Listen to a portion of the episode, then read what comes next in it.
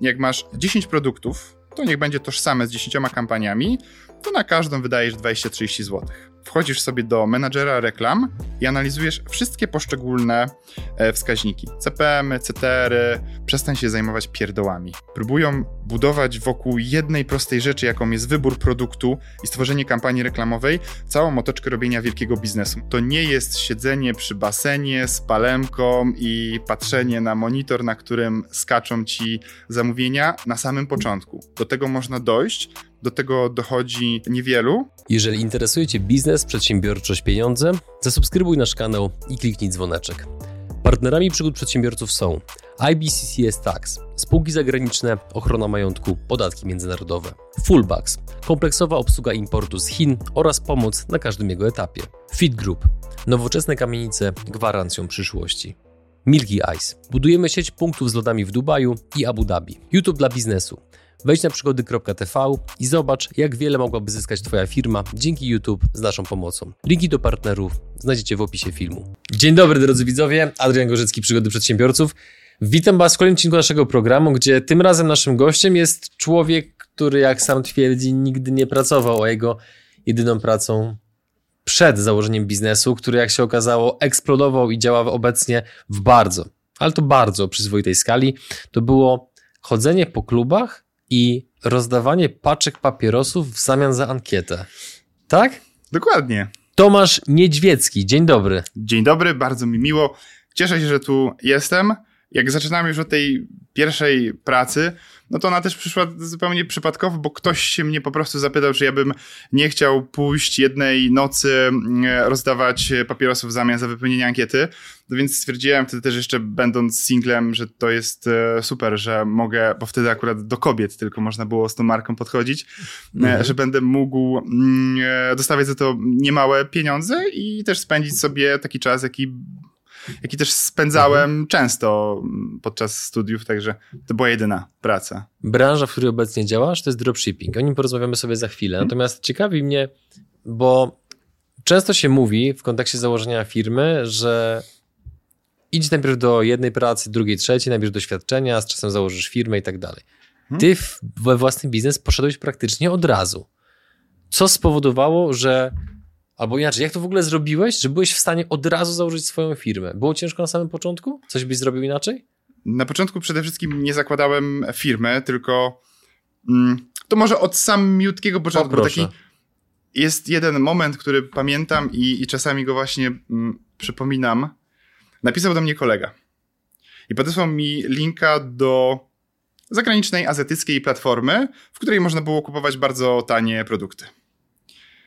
I ja zawsze miałem taki zmysł przedsiębiorcy, lubiłem kupić taniej, sprzedać drożej. Jakby Stary dobry to handel. banalnie, ale, ale parę takich przykładów w życiu już miałem i jakby pierwsze co to mnie nie interesowało ten produkt jako produkt, tylko a ile on kosztuje w Polsce?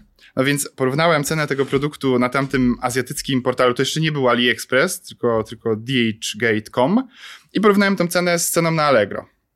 No i zobaczyłem bardzo dużą różnicę, zobaczyłem, że na Allegro się sprzedaje, więc no w myśl zasady kup taniej, sprzedaj drożej, wymyśliłem coś, co wtedy nawet też nie wiedziałem, że tak się nazywa, czyli dropshipping, no bo pomyślałem sobie, że skoro ten produkt jest tam, w Azji, e, i ja go wystawię na Allegro, to co się wydarzy, kiedy go kupię? Czy ja go muszę mieć u siebie w magazynie? No, pomyślałem, że nie. Jeżeli ktoś go ode mnie kupi z Allegro, ja kupię go w tamtym miejscu, nadam to na adres e, tej osoby, która kupiła na Allegro i paczka trafi do niego. I pamiętam ten moment, jak wystawiłem pierwszą e, aukcję na Allegro, po parunastu minutach zamówienie. Ja mówię, kurde, to już? Po kolejnych minutach kolejne zamówienia. Pamiętam, że byłem taki podekscytowany tym faktem, bo to się wydawało niewyobrażalne, że kolega podesłał linka, ja wziąłem to w tym samym momencie, wrzuciłem na swoje prywatne konto na Allegro i zaczęły spływać zamówienia. No i to było dla mnie takim momentem, w którym pomyślałem sobie, no dobrze, skoro wystawiłem jeden produkt, no skopiowałem zdjęcia, skopiowałem opis, to zrobię to z drugim, z trzecim, z czwartym, z piątym, no i od tamtego momentu bardzo szybko zaczęły się pojawiać kolejne sprzedaże. Ten model też jeszcze wtedy, bo to około 12 lat temu było, nie był tak praktykowany. E, no i ja idąc jakby za, e, za tym krokiem, wystawiałem kolejne produkty, sprzedawałem kolejne rzeczy. Zaczęła się obsługa klienta, zaczęły się problemy z mm, Allegro. No i gdzieś e, stwierdziłem, że to jest ten moment, w którym rzeczywiście trzeba by było założyć firmę, bo trochę za dużo tych sprzedaży, więc może lepiej już będzie zacząć płacić podatki. A mówię to nie bez e, powodu, mhm. bo często się zdarza, że, że osoby, które przychodzą na naszą platformę TakeDrop, zadają mnóstwo pytań. Ja ich nie chcę dyskredytować, ale to są pytania typu. E, no ale to co, to muszę założyć firmę, muszę płacić ZUSy, e, muszę mieć wiele innych rzeczy zbudowanych wokół mm, tego tylko, żeby ten produkt wystawić siebie w sklepie i zacząć sprzedawać. No i to jest błędne moim zdaniem założenie, bo powinno się zacząć od tych rzeczy, które najszybciej prowadzą do celu, a potem jakby nie namawiam do, do łamania prawa, e, tylko żeby zacząć się martwić rzeczami e, trochę później, takimi jak zakładanie firmy, podatki, najpierw zwalidować i dostać ten taki pierwszy zastrzyk e, adrenaliny po sprzedaży pierwszego, drugiego, dziesiątego i piętnastego produktu. Mhm. A co jeśli otoczenie nas zniechęca? To zmieni otoczenie. Ja, ja tego nie rozumiem, jeżeli mam być z tobą szczery. Bo... Poproszę. Jedziemy, dawaj, już widzę, że... Okej, okay, to na przykład, nie, niech, niech będzie na przykład, e, zaczęliśmy od, od rodziny, więc jeszcze kontynuujmy, niech będzie moja mama, ale Tomek, ale może poszedłbyś do pracy, po tej pracy byś sobie próbował to zrobić, no bo wiesz, prowadzenie firmy nie jest takie proste, może jednak byś miał jakieś stabilne źródło dochodu. Inni znajomi, którzy mówili, że no ale przecież to, to, to jak będziesz sprzedawał rzeczy, których nie masz, to to się może, nie może udać. Mi, mi się nawet nie chce wchodzić w takie dyskusje, w których mm, ktoś próbuje twoją taką podjaranie się czymś gasić. Moim zdaniem to są nieodpowiednie osoby w w Twoim towarzystwie. Wiadomo, że ciężko jest usunąć z towarzystwa rodziców, ale ich rady, mm, załóżmy, że odłożymy mm, teraz na bok, ale są takie pijawki emocjonalne często, które ci mówią, że się nie uda, ale nie, nie poświęcajmy temu dłużej czasu, bo, bo myślę, że raczej powinniśmy się skupiać na tym, co my sami chcemy mhm. osiągnąć, do czego dążymy i ostatnio mieliśmy na naszym wydarzeniu Dropcampie, taką, ja miałem prezentację. Jednym z punktów, które powiedziałem, że są bardzo istotne w mm, założeniu swojego sklepu i w jego rentowności, to taranowanie kłód po drodze. Bo jak zaczniesz swój biznes, to tych kłód po drodze będziesz miał dużo, a ty musisz iść jak przecinak do celu. Przede wszystkim nie poddawać się w tym, żeby mm, te cele osiągnąć, a, a poza tym też mieć jasno wyznaczony własny cel. Jak kiedyś sobie na biurku jeszcze w coworkingu przykleiłem taką karteczkę e, 1000, 10 tysięcy złotych. I bardzo, to, to, był mój cel, który miałem osiągnąć. No i szybko musiałem tę karteczkę zdjąć i nakleić kolejną. To było 10 koła co miesięcznie? Czy... 10 koła dochodu miesięcznie. Mhm. Dochodu, nie przychodu. Jasne. Dochodu. No i to w ogóle ten biznes to jest e, dokładanie zer, sklep internetowy. Bo jak to jest, że jeżeli twój sklep potrafi sprzedać za 100 tysięcy złotych, czy może nawet zacznijmy od 1000 złotych, to dlaczego by nie miał sprzedać za 10 tysięcy? Jeżeli potrafisz sprzedać za 10, to dlaczego masz nie sprzedać za 100? I tak dalej, i tak dalej. W pewnym momencie, analizując to, co robię na kampaniach e, reklamowych, a udało mi się do tej pory, teraz już mniej co prawda, ale w latach świetności naszego sklepu, opartego też oczywiście o dropshipping, e, wydałem ponad 8 milionów złotych na kampanię. Reklamowe. 8 milionów złotych. 8 milionów złotych. Tylko, że to jest właśnie to dokładanie zer, bo jeżeli potrafisz dobrze wydać 1000 złotych, a potem potrafisz dobrze wydać 10 tysięcy złotych, to to, co za tym idzie, czyli twoje dochody też będą rosły. Na tym moim zdaniem polega dropshipping, czyli własny sklep internetowy, żebyś znalazł odpowiedni produkt, Potem znalazł kolejne produkty, tworzył na nie kampanie reklamowe, wydawał coraz więcej pieniędzy na marketing i tym samym coraz więcej zarabiał. To jest najbanalniejsza prawda w, w, w e-commerce i, i w dropshippingu głównie. Czy każdy ją rozumie? Bardzo mało osób. Dlaczego? To rozumie na początek, bo wydanie pieniędzy, zresztą ja sam powiedziałem wydanie, to jest tak naprawdę inwestycja. To by się wydaje, ja, ja, ja, ja, nigdy nie miałem tych 8 milionów, które wydałem. Ja zacząłem wydawać 100, z tych 100 mogłem sobie pozwolić na 200, z 200 na 300, pamiętam w ogóle taką mm, historię, jak miałem kartę kredytową na około tam 10 tysięcy złotych i to był cały mój jakby budżet na start biznesu. I pamiętam, jak się zbliżałem już do zera, mówię, no trudno, będę głodny. ale, ale te pieniądze wydałem na kampanie reklamowe, które potem pozwoliły mi wydawać coraz więcej, więc jak pytasz, czemu ludzie się tego boją, to też przez to, że boją się ryzyka. Mhm. No to nigdy nie, moim zdaniem nie możesz być przedsiębiorcą, kiedy boisz się ryzyka. Powinieneś to ryzyko minimalizować. I dlatego my naszym mm, użytkownikom w Take Dropie mówimy, że zacznij od 20 zł wydanych na kampanię. Przeanalizuj ją, naucz się czegoś, potem wydaj 50 zł. No spokojnie, rozsądnie. No tak, no bo to nie jest. Nie ma metody w tym, żeby się napalać i powiedzieć, dobra, to teraz już przygotowałem sklep, mam super, oczywiście często moim zdaniem produkt, to wydam teraz na niego 10 tysięcy złotych, na pewno na nim zarobię. No to tak nie działa. To, to wszystko polega na analizowaniu. Jeżeli udało ci się to może inaczej. Opowiem mhm. ci pokrótce. Proszę. Jak wygląda taka strategia, której my w tej dropie mm, uczymy. Wybierasz sobie 10 produktów, oczywiście których nie masz na magazynie, tylko korzystasz z mm, hurtowni, producentów bądź innych platform. Wybierasz sobie 10 produktów, które twoim zdaniem się będą dobrze sprzedawały. Przygotowujesz do nich opis, przygotowujesz do nich kampanię reklamową. W kampanii reklamowej tworzysz dwie grupy odbiorców, w dwóch grupach odbiorców tworzysz dwie kreacje reklamowe. Jak masz 10 produktów, to niech będzie tożsame z 10 kampaniami, to na każdą wydajesz 20-30 zł.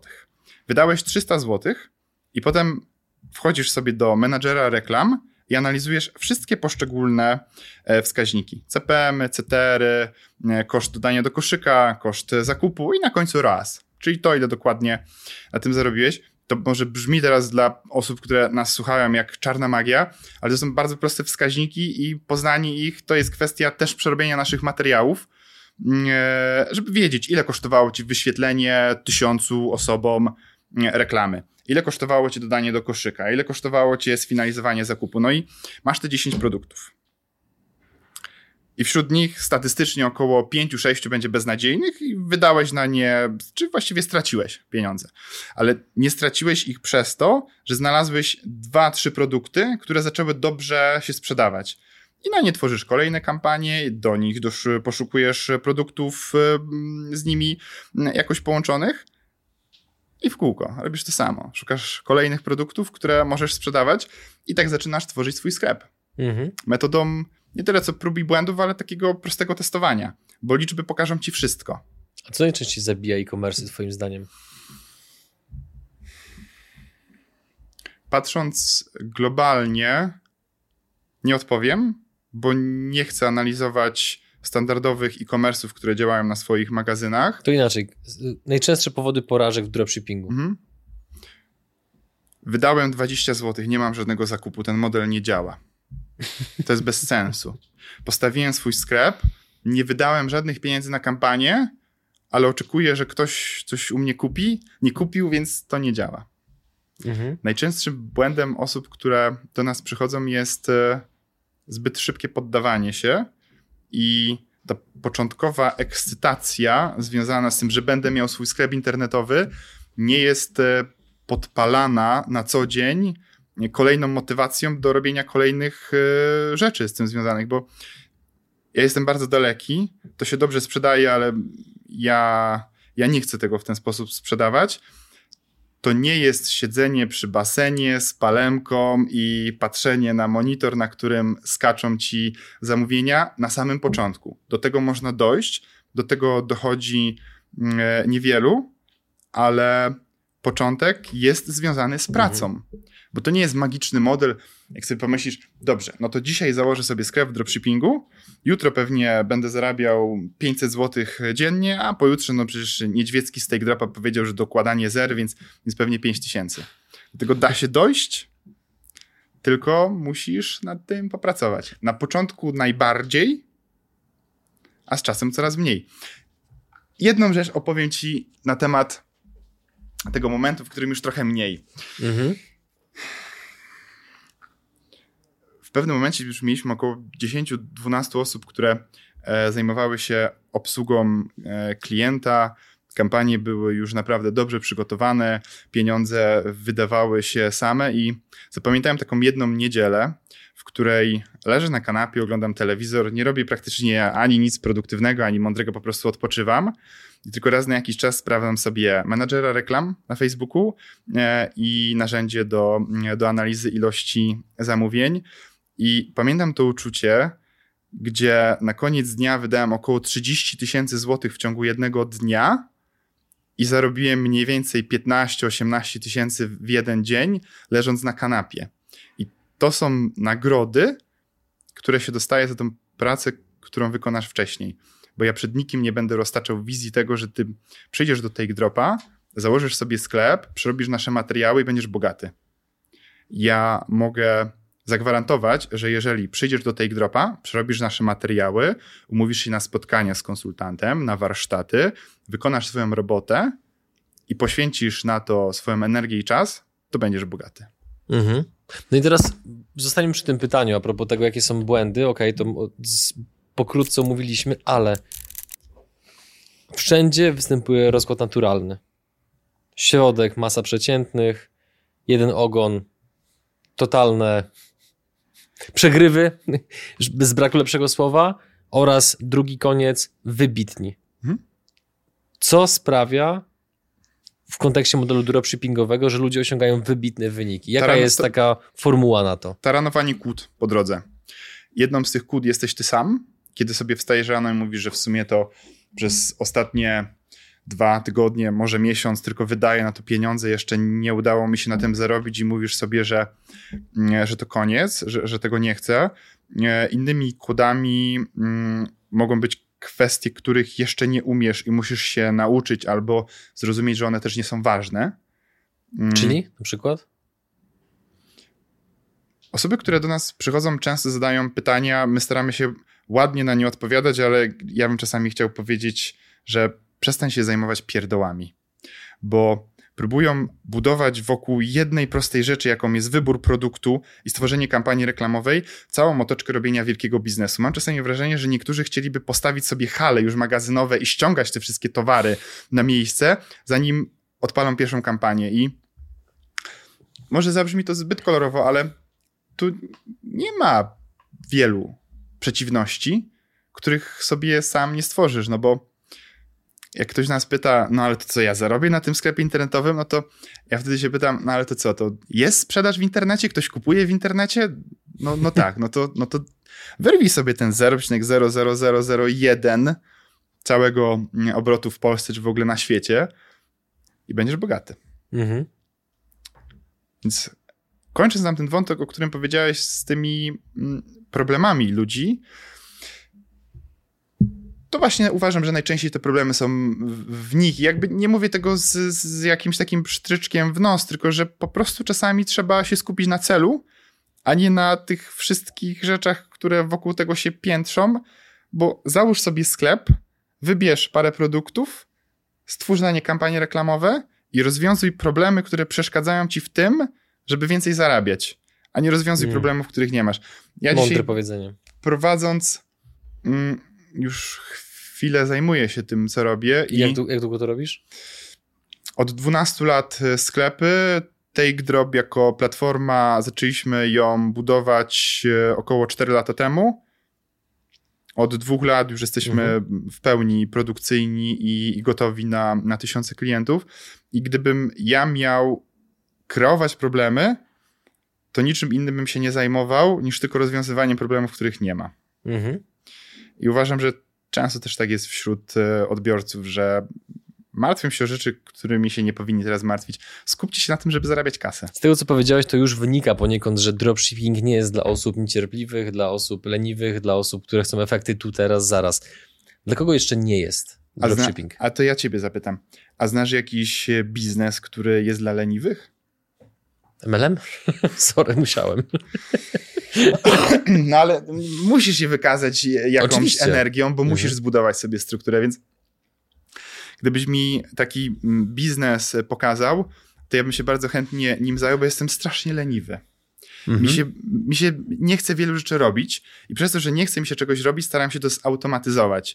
Im więcej rzeczy się dzieje, im mniej mi się chce w tym wszystkim tych rzeczy robić, tym bardziej pracuję nad tym, żeby to zautomatyzować, no i w konsekwencji zdarzało się, że pracowałem po 12 godzin dziennie, tylko po to, żeby, żeby nie pracować. Tak brzmi to dosyć przewrotnie, ale myślę, że mm, wiele osób lenistwo doprowadziło do technologicznych szczytów. Mhm. Jak, jaki to już tu ciebie? Podaj nam, zabierz hmm. nas do tej twojej kuchni automatyzacji i pokaż, hmm. co automatyzowałeś. Jest uśmiech, dobra, zaczynamy. Okej. Okay. E, myślę, że byłem pierwszym pracodawcą, który zatrudnił e, osobę, która, której stanowiskiem pracy była realizacja zamówień na AliExpressie w pewnym momencie mieliśmy trzy osoby, które przyszły do nas do, do biura i od rana do wieczora składały zamówienia. No bo pamiętasz historię z początku. Produkt jest na portalu, ktoś go kupił tutaj, te dane trzeba do tego portalu przekazać, żeby paczka została wysłana tutaj. Więc kiedy my już mieliśmy setki zamówień dziennie, no to nie mieliśmy technologii, nie było czegoś takiego. Coś takiego w ogóle nie istniało, co my dzisiaj robimy. Mhm. Nie, więc musieliśmy zatrudniać ludzi, którzy od rana do popołudnia przeklikiwali ręcznie. zamówienia i robili to ręcznie. I mhm. wtedy akurat miałem to szczęście, że wynajmowałem cowork we Wrocławiu w, w Business Linku i z tyłu za biurkiem siedział, nie pamiętam już imienia, ale jak słuchasz, to dziękuję Ci jeszcze raz, że, że, że, mi poleciłeś e, tą osobę, z którą do dzisiaj pracuję, jest zresztą CTO w, w Take Dropie, czyli, mm, czyli Adriana.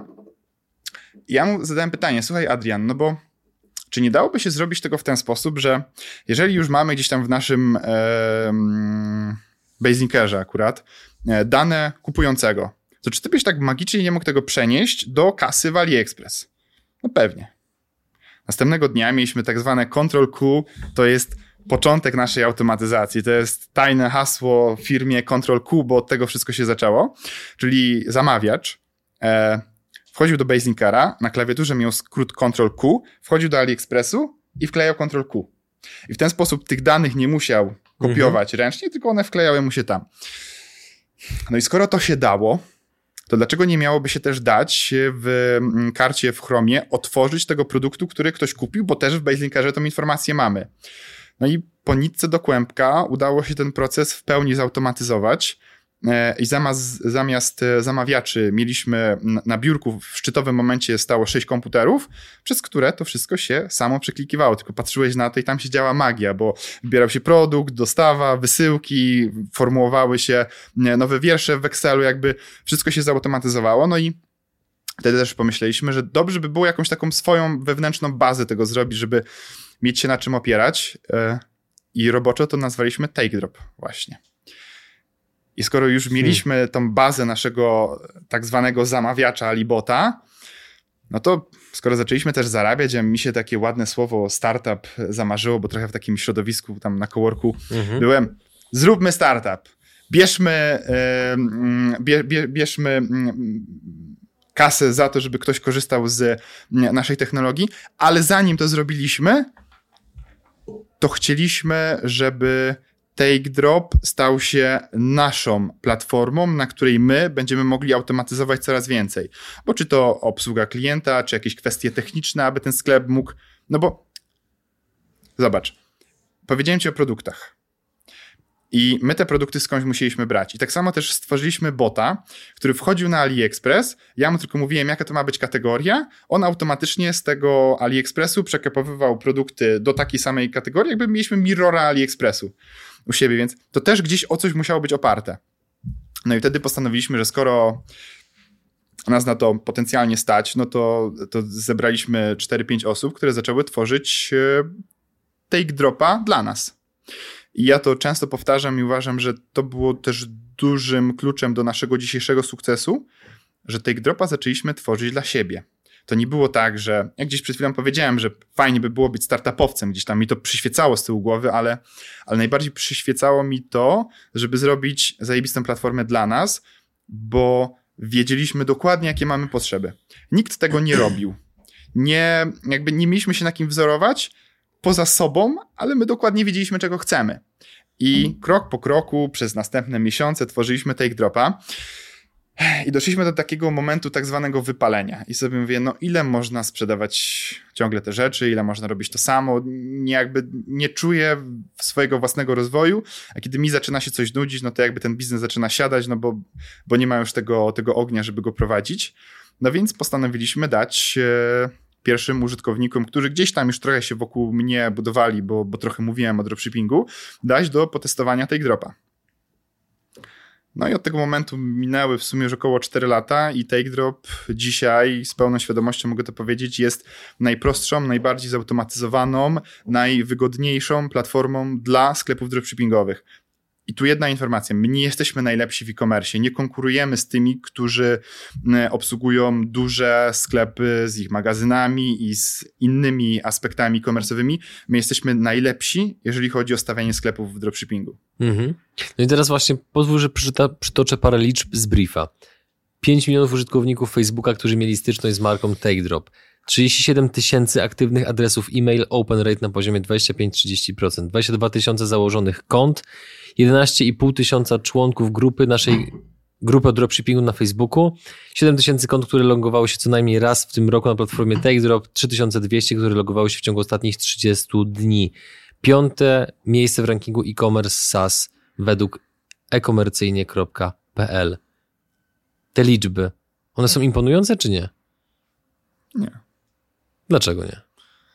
Mm, dlatego, że ja analizując to, co robimy, to uważam, że e, dopiero nabieramy rozpędu. Mhm. W, w, tych działaniach. One mogą być imponujące, no bo 5 milionów osób dowiedziało się o, o tej dropie. Bardziej imponujące jest e, to, że ponad miliard razy wyświetliłem reklamę swojego sklepu. To hmm. już daje, daje wyobrażenie, ale uważam, że przed take dropem jest dużo większa przyszłość niż ta, która kształtuje się w tych liczbach, ale że jakby nie chcę, żeby to wybrzmiało, że, że, że, że kozacze i e, mówię, że a to co to tam jest, bo to mnóstwo ciężkiej pracy było, chociaż mnie to w ogóle nie zadowala. Mhm. Ja mam ciągle głód tego, żeby mieć e, coraz więcej osób, które są w tej dropie z dwóch powodów. Po pierwsze, chcę, żeby nasza platforma się rozwijała i mogła dorównać zagranicznemu e, Shopify'owi, który jest pewnym benchmarkiem.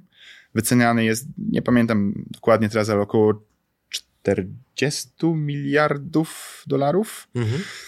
A drugi to taki, który sobie jakiś czas temu tak uświadomiłem, że mi się zaczęło podobać pokazywanie ludziom, że można pracować inaczej, lepiej, że można skorzystać z czegoś doświadczenia i przełożyć to na e, swoje podwórko i na tym zyskać, bo miałem bardzo trudną drogę do tego, żeby dojść do, mm, do tego, co dzisiaj mamy i pomyślałem o tym, że sprawia mi to satysfakcję, kiedy słyszę o historiach osób, które e, zmieniły swoje życie, pracując na, na tej dropie. Mhm. I chcę, żeby takich osób było jeszcze dużo, dużo więcej. Gdzie jest twoje lądowanie na Marsie w kontekście tej dropa? To jest zrównanie się z Shopify'em, przybicie go? Do czego dążysz długofalowo? Do tego, żeby inne kraje też miały tą przyjemność poznać tej dropa. Aha. A jakie liczby się tam kryją, nie jestem w stanie tego dzisiaj powiedzieć, bo, bo wiem, że w Polsce wciąż mamy jeszcze bardzo dużą przestrzeń do wzrostu. A jeżeli popatrzeć na rynek e, Stanów Zjednoczonych czy, e, czy, czy Wielkiej Brytanii, która coraz bardziej nam się podoba, to ja nie wiem, co się tam da zrobić, ale, ale wolę nie wiedzieć, bo się okaże, że sobie założyłem jakiś próg i jak go osiągnę, to stwierdzę, że zrobiłem wszystko. Ja codziennie przychodzę do pracy z myślą o tym, żeby być krok dalej. I jak tą pracę kończę, czasami później, czasami wcześniej, to, to się zastanawiam, co dzisiaj zrobiłem, żeby być o krok dalej niż wczoraj i co powinienem zrobić jutro, żeby dalej rozwijać e, to, co robimy i, i nadawać tempa naszemu rozwojowi, ale w konsekwencji też rozwojowi naszych klientów. Zdrowe podejście. E, poruszyłeś ciekawy wątek, o który muszę zapytać. Jaki jest poziom nasycenia rynku, jeżeli chodzi o dropshipping? Jest wciąż miejsce dla nowych osób? Czy to miejsce się powoli kończy? Czy może tego miejsca ca cały czas przybywa z uwagi na hmm. rosnący e-commerce? Jak to wygląda od kuchni? Gdybym miał mm, powiedzieć tak, żeby to zabrzmiało ładnie, to powiem, że jest mnóstwo miejsca, ale powiem bardziej realnie. Miejsca jest mnóstwo, ale trzeba być coraz lepszym, sprytniejszym i skuteczniejszym, żeby wyszarpnąć sobie ten 0,00001. Bo jak kiedyś wystarczyło, że wrzuciłem reklamę, obojętnie, czy ona była zoptymalizowana, czy dobra, czy produkt fajny, czy, czy zły, to nie miało znaczenia, to się sprzedawało. A dzisiaj musisz trochę bardziej głębiej wchodzić w konkretne zagadnienia, stawać się w nich coraz lepszym, żeby przegonić tych, którzy tak jak ty chcą to robić, bo tych osób, które chcą to robić jest całe mnóstwo i my uczymy tego, w jaki sposób masz to robić, żeby być lepszym. My się uczymy sami, uczymy się od naszych klientów, sami to jakby drążymy i miejsca jest całe mnóstwo. To, to miejsce się nie skończy, no bo zresztą, słuchaj, przecież czemu mówimy o Polsce? Jakie to ma znaczenie? Czy ty sprzedajesz w Polsce, w Wielkiej Brytanii, w Niemczech, czy, czy gdziekolwiek indziej? To jest kwestia języka i kwestia ustawienia na kampanii reklamowej lokalizacji. To jest jeden scroll niżej, jesteś zupełnie gdzie indziej. Więc tego miejsca jest potencjalnie mniej, ale dla słabych.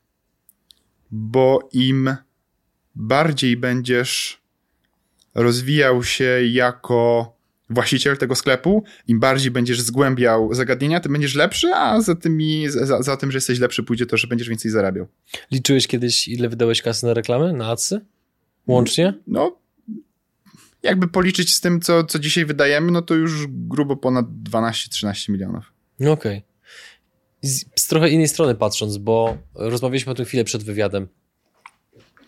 Jaki wpływ na twoją karierę zawodową miało twoje wychowanie? Co rodzice dołożyli? Co, co, co w czym pomogli? Jaki, co ci dali do twojego oprogramowania mhm. między uszami? Pamiętam jak mm, kładłem się spać, a ojciec siedział przy takim dużym rozkładanym stole, z niego można było wyjmować takie jeszcze jeden poziom rozłożony wszystkimi swoimi rzeczami. E, i to jest taki symbol tego, że myślę, że z domu w dużej mierze wyciągnąłem pracowitość, waleczność, e, pewnego rodzaju empatię też do innych osób i bądź co bądź to ma duże znaczenie, bo chcąc, nie chcąc, w mniejszy lub większy sposób jesteś tym, jaki wyszedłeś z domu. I myślę, że rodzice chcieli mnie dobrze wychować z wieloma przebojami po drodze, bo mój charakter, szczególnie w czasach młodzieńczych, raczej przysparzał dużo więcej kłopotów niż, e, niż radości. Która ale... przygoda była najbardziej krępująca? Nie, nie, nie, nie. nie. Na to, na, na, na to mnie nie namówisz. E, są pewne etapy w życiu. Od pewnych rzeczy oddzielam to grubą kreską, choć jest mało rzeczy, których żałuję, dlatego że uważam, że odpowiednie zaimprezowanie w młodzieńczym wieku pozwala mi dzisiaj mieć żonę, dziecko i ustabilizowany styl życia, bo zrobiłem, myślę, że nie powiem, że wszystkie, ale zdecydowaną większość rzeczy, które powinienem zrobić, żeby mieć pewien etap e, młodzieńczy zamknięty. Więc mhm. tego, tego, tego nie żałuję, ale wracając do, do Twojego pytania, no to właśnie myślę, że ten upór ojca w w swojej pracy i w zapewnianiu nam dobrego bytu, dobroć e, matki i taka troskliwość, jakby gdzieś połączenie tego mm, w jaki sposób na mnie wpłynęło. Mhm. Ale też jakby, żeby nie przekoloryzowywać wpływu rodziców, no to, e, to też w bardzo dużej mierze moje nie, niepoddańczość. Problemy w szkole, jakby nie zdałem do kolejnej klasy, bo miałem inny pomysł na siebie niż e, słuchanie e, tego, co mają nauczyciele do powiedzenia. I poza domem uważam, że to było tą drugą kluczową rzeczą do tego, żeby e, dzisiaj być w tym miejscu, w którym jestem, czyli ja się nigdy, nigdy, naprawdę nigdy nie przejmowałem tym, co mówią inni, co mówią mi inni. Miałem swoje zdanie, potrafiłem go bronić. Jak sobie obrałem jakiś cel, to do niego dążyłem. Jak się potknąłem 50 razy po drodze, no to po prostu musiałem się 50 razy otrzepać i iść dalej. No i myślę, że mhm. dzisiaj by mnie tutaj nie było i byśmy o tych liczbach czy, czy innych rzeczach nie rozmawiali, gdybym w którymś momencie powiedział, że skończyła mi się kasa, bank nie chce dać mi kredytu, e, urząd skarbowy dzwoni, że panie Tomku, ja już tak długo jak mogłam przytrzymywałam u naczelniczki e, tą egzekucję, ale muszę ją zrobić te wszystkie rzeczy jakby powinny mi powiedzieć, że Tomek, kurde, jesteś nieodpowiedzialny, idź do roboty, rzeczywiście, matka miała rację, powinieneś dostać tam jakąś pensję, coś, coś wiesz, coś umiesz, jakieś pieniądze zarobisz, ale ja wychodziłem z założenia, że trzeba ciągle rozwiązywać problemy, które stają ci na drodze do tego, co chcesz osiągnąć. I to jak ktoś chce wyciągnąć jakiś, jakąś lekcję, radę ode mnie, jeżeli jeżeli ja to mogę zasugerować, to właśnie to, że jak jesteś czegoś pewny i chcesz to osiągnąć, to po prostu to rób, nie patrz na to, co dzieje się mm, po drodze, tylko sfokusuj się, załóż sobie takie klapki na oczach i to zrób, ale uwaga, jedna gwiazdka, nie rób tego, jeżeli to jest głupie, bo to też, mm, wiesz, mógłbym sobie... Jak to ocenić? No to to jest trudne pytanie. To jest trudne pytanie, tylko wiesz, ja taką sam sobie teraz refleksję zrobiłem, że powiedziałem o tym, że klapki na oczek iść do celu, bo ja tak przez e, większość e, swojej drogi miałem, ale potrafiłem korygować ten cel. Mhm. Nie wiem, co bym miał e, ci powiedzieć, jakbyś chciał wiedzieć, czy twój cel jest mądry, czy głupi. Przez swoje jakieś percepcje mógłbym ci powiedzieć, co ja myślę o tym, ale musisz być jakby, musisz umieć słuchać, ale to słuchanie nie ma być tym, co wyznacza ci drogę, tylko zbieraj zewsząd te informacje i na podstawie tych informacji sklej sobie tą swoją drogę. Z czego oblałeś i czy była to religia? Nie. Z religii miałem e, dobre oceny, bo na religii się zawsze fajnie dyskutowało e, i, i na tyle e, najpierw ksiądz, a, a potem katechetka były wyrozumiałe, że jakby ja lubiłem dyskutować. To język polski i religia były tymi przedmiotami, na które przychodziłem z przyjemnością, bo to była dyskusja. Oblałem z matematyki. O. Tak. O. Teraz się okazuje, że umiem liczyć. No właśnie. Ma, masz te wszystkie KPI, CPM i tak dalej. To jest sama matma praktycznie, jakby nie patrzeć, nie? Statystyka i pewna analiza. Ja dzisiaj nie wyciągnę pierwiastka z czegoś, czasami na kalkulatorze muszę dodać 25 do 47, czy nawet w sumie 8 do 7, żeby być pewnym. Nikt jest idealny. Czy, czy dobrze policzyłem, ale wiesz, jakby. Mm, ja na matematyce y, tej początkowej najbardziej lubiłem zadania y, z, to się chyba zadania z treścią nazywało, że coś ci opowiadało jakiegoś case'a i ty miałeś tego case'a wyliczyć, czyli nie mhm. wiem, jedzie pociąg, który ma cztery wagoniki, doczepią się trzy wagoniki, jedzie na dwóch torach, wiesz o co mi chodzi, nie? Mhm, tak. I, i takie rzeczy, kontekst takie rzeczy lubiłem liczyć, nie lubiłem liczyć prostej takiej matmy właśnie i dlatego to oblałem, no bo ja nie miałem za tym jakiegoś podłożenia, nie potrafiłem mhm. sobie tego wyobrazić. A dzisiaj, kiedy te rzeczy, mm, mm, które robię są no już twardo osadzone w mojej wyobraźni głowie, no to, to dużo łatwiej się je liczy, bo przede wszystkim ja wiem, co ja chcę wyliczyć, no i potem to już jest proste. Mhm. Jakby nie patrzeć, dropshipping jest dość nową gałęzią, taką raczej nowoczesną branżą, współczesną branżą. Czy w tym kontekście a pro, to jest taki powiedzmy wiadomość do młodszych osób, które stoją przed takim dylematem. Jak ty postrzegasz studia w tej chwili? Tak trochę odbiegając od tego, w kontekście właśnie takich nowoczesnych branż. Warto iść na studia, jeżeli ktoś ma właśnie takie aspiracje, żeby dotykać branż tak silnie opartych o internet, o technologię, czy lepiej się zająć praktyką? Widziałem e, kierunki, na których wykładają praktycy. To jest na pewno kierunek w dobrą stronę. Natomiast e, ja studiowałem, zdaje się, że około pięciu lat i na czwartym roku, kiedy już wydarzyła się ta historia, o której powiedziałem, czyli tutaj taniej, tutaj drożej i zacząłem się wokół tego kręcić, to myślę, że w miesiąc wyciągnąłem dużo więcej niż e, przez cały okres tych studiów, no bo wtedy zajmowałem się tymi case'ami, które są mi potrzebne do prowadzenia tego biznesu, a nie tworzeniem rozległej wiedzy na temat... Abstrakcyjny jakiś. Abstrakcyjny. Chociaż mm. jakby nie chcę zniechęcać do studiów, nie wiem jak one dzisiaj wyglądają, natomiast dla mnie to był intensywny czas pod kątem rozrywkowym, e, pod kątem kształtowania swojego też charakteru i, i wizji przyszłości, ale no jakby na pewno nie pod kątem zdobywania wiedzy, bo mi się w ogóle wydaje, że e, praktyka jest tym, co najłatwiej uczy. I my dzisiaj w, mm, w Take Dropie, platforma to jedno. Dajemy ci, w sumie dobrze, że zapytałeś o studia, bo myślę, że to jest ciekawa analogia. Mm, my dajemy ci platformę, czyli te wszystkie techniczne rzeczy, które cię wcale nie muszą interesować, one się dzieją, ty nie musisz nam bić brawa, że stworzyliśmy taki, a nie inny kod, to ma działać. i to działa. E, I to jest jeden aspekt. Drugim aspektem jest właśnie ta warstwa merytoryczna, e, i ja też przez swoje e, doświadczenia mm, wyszedłem z założenia, że lepiej będzie, żeby naszych użytkowników, klientów, odbiorców uczyć poprzez praktykę. I nasze materiały są skonstruowane tak, że masz lekcja, zadanie, lekcja, zadanie. Nie możesz iść dalej, jeżeli nie wykonałeś pewnych czynności, bo po co masz się dzisiaj zastanawiać na przykład nad sorry, kampaniami reklamowymi, jeżeli nie skonfigurowałeś jeszcze podstawowych rzeczy, jak bramka płatności, dodanie domeny i tak dalej.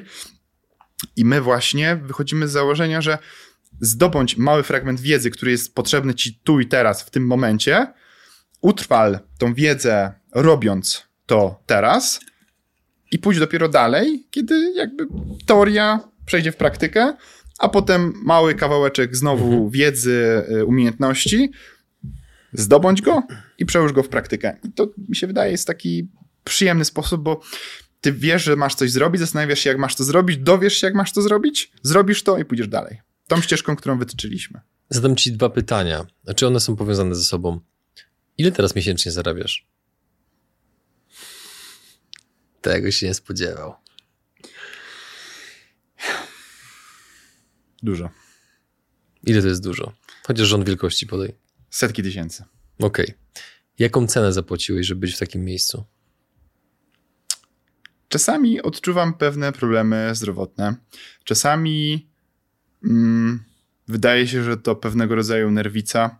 Czasami nie potrafię zasnąć. Czasami mm, się zastanawiam, jak w ogóle do tego wszystkiego jakimś cudem udało się dojść. I nie, nie chcę się użalać nad sobą.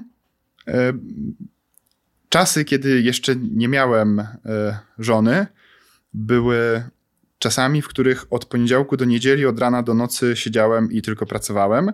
I byłem tak totalnie sfokusowany, że nie wiedziałem, która jest godzina, nie wiedziałem, jaki jest dzień tygodnia, wiedziałem tylko, że jestem głodny i powinienem się czegoś napić. I pewnie jakaś scena kiedyś e, przyjdzie. Dzisiaj jakieś tego konsekwencje małe odczuwam, ale nie, nie, nie, nie, nie żałuję, bo mhm. dzisiaj mogę być w miejscu, w którym zdecyduję, kiedy pracuję, kiedy chcę pracować. Mhm.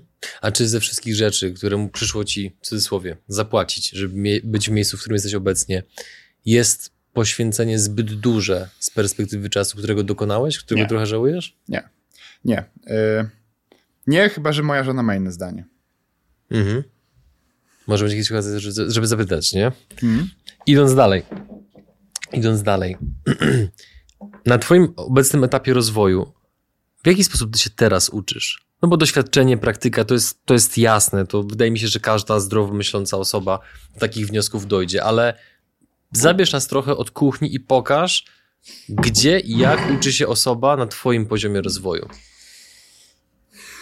Myślę, że to jest codzienna praktyka i wciąż kontakt z tymi osobami, które są naszymi klientami i codzienne zastanawianie się, co oni mogą zrobić lepiej i co my możemy zrobić lepiej, żeby im to się szybciej i łatwiej udało zrobić, a ponad to nauka.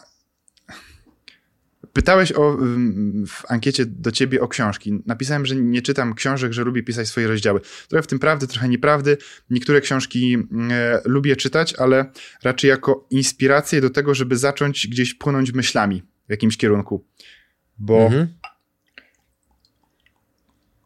Wystarczy mi tylko jakiś zaczepek czegoś, żeby móc się zacząć nad tym zastanawiać. Ja czasami nie wiem, co ja robię, ale po prostu sobie klikam, szukam, patrzę, sprawdzam, analizuję. Potrafię sobie siedzieć przez, e, nie wiem, pół wieczora, nie robiąc jakby nic, bo nie wiem, co robię, tylko się rozglądam. I z tego rozglądania czasami wychodzą jakieś e, Ciekawe. rzeczy, które potem przekładają się czy na biznes, czy na życie, czy na klientów, ale to nie jest tak, że okej, okay, dobra, to teraz mam tą godzinę, którą poświęcam na naukę i zaczynam się uczyć. Ja osobiście nie mam takich momentów, w których bym miał powiedzieć, że się uczę, Ty tylko się bardziej rozglądam. Ciekawa fraza. Trochę tak jakby też brzydkie słowo, ale, ale jakby szukam, tak czekam aż coś yy, coś mi na, nakręci, coś, coś mi podjara. Ja to wtedy wiem, że o, to jest coś, To jest trop. coś pyknęło. Aha. A jak coś nie pyknie, no to wtedy sobie jakby w ogóle cała praca, może nie cała, bo pewne kwestie trzeba zrobić, których nie lubię robić, ale większość pracy, którą wykonuję, musi mi dostarczać z tego przyjemność. Bo jeśli nie dostarcza mi przyjemności, mnie nie ekscytuje, Mm. to ja wiem, że wyniki tego będą mierne, a jeżeli mają być mierne, to się w ogóle lepiej, żebym tym nie zajmował. Jakbyś dzisiaj mnie poprosił o zrobienie takiego stołu, pewnie jakoś by mi się udało go zrobić, ale po co mam się uczyć go robić, skoro mnie to w ogóle nie interesuje? Ja bym Zamówiłbyś na AliExpress, nie? Myślę, że nie, dlatego że koszt dostawy byłby zbyt wysoki nie, i, e, i to by się nie opłacało. Kończąc powoli, w jaki sposób nasi widzowie, słuchacze mogą się z wami skontaktować, z Hmm. wami współpracować? Kogo obecnie w ogóle szukacie do współpracy, zarówno pod kątem klientów, jak i być może kontrahentów czy współpracowników? Mhm. Myślę, że w komentarzu do filmu dodamy też e, linka do, Oczywiście. e, do, do naszej strony takedrop.pl. E, Dla osób, które pomyślały o tym, że chciałyby albo siebie sprawdzić, albo się zacząć tego uczyć, albo z pełną determinacją zacząć to robić. Myślę, że też e, dodamy linka do naszej ankiety rekrutacyjnej, e, ponieważ nie z każdym możemy zacząć współpracę, bo szkoda ją zaczynać, kiedy ktoś nie wykazuje e, własnej motywacji, chęci do, do, do współpracy. Więc podamy linka do krótkiej ankiety, w której po jej wypełnieniu ktoś od nas bezpośrednio się będzie e, kontaktował. Poza tym szukamy też wszystkich, którzy mogą się przyłożyć do, do naszego rozwoju. Jeżeli masz pomysł na narzędzie, które nie, można dodać, jesteś jego reprezentantem. Jeżeli mm, masz jakąś grupę odbiorców, która mogłaby skorzystać z naszego narzędzia, jakby cokolwiek może się przys- przysłużyć TakeDropowi i naszym klientom oraz e, potencjalnie Wam, ja jestem bardzo chętny na, na wszystkie tego typu rozmowy. I tu stawiamy kropkę. Drodzy widzowie, słuchacze, dziękujemy, że byliście z wami i rozglądajcie się. Nigdy nie wiadomo skąd przyjdzie inspiracja i nowy pomysł, żeby usprawnić wasz biznes, bądź żeby rozpocząć nowy. A naszym dzisiejszym gościem był Tomasz Niedźwiecki. Tomek, dzięki za rozmowę. Dzięki bardzo.